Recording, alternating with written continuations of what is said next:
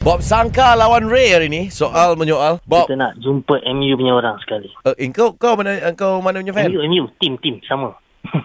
sama Sama eh. sama dengan siapa bro Ray, Ray. Okey mungkin kau dah lama tak dengar Era kot Dia dah tukar ke? dia sudah tukar bang Tapi tak apa Bob tapi tak Tak apa apa, tak apa, tak apa. anda ada advantage 10 soalan je kau menang Bob Boleh? tapi ini jadi serius sebab kau dah petik Man U dengan Liverpool Ah, Ah kan sikit lah eh. Ah. Situasinya dua orang yang tengah tengok bola. Siapa tengok bola game apa Game ah, Liverpool malam tadi. Okey Eh, semalam siapa menang eh? Kenapa kau tanya aku? Nak tanya siapa lagi? Asal kau ajak aku tengok bola? Berapa skor eh? Macam banyak kan?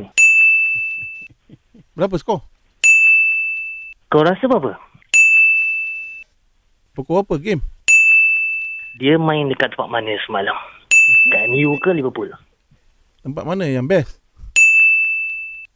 MU, siapa yang gol kan? Lupalah. Kenapa kau lupa? Kenapa Liverpool tak boleh menang dengan MU semalam? Apa dia? Salah tak boleh pakai kan? Skala ada skor tak? Mane mana Mane? Mane mana?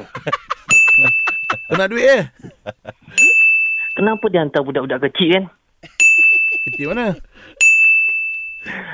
MU buat yang terbaik tak? Okey, okey. Dah habis, dah habis, dah habis. Bob, menang, Bob. Dia memang tanya soalan sensitif. Memang ajar. Bob ni. mana, mana, mana. Mana, mana, mana.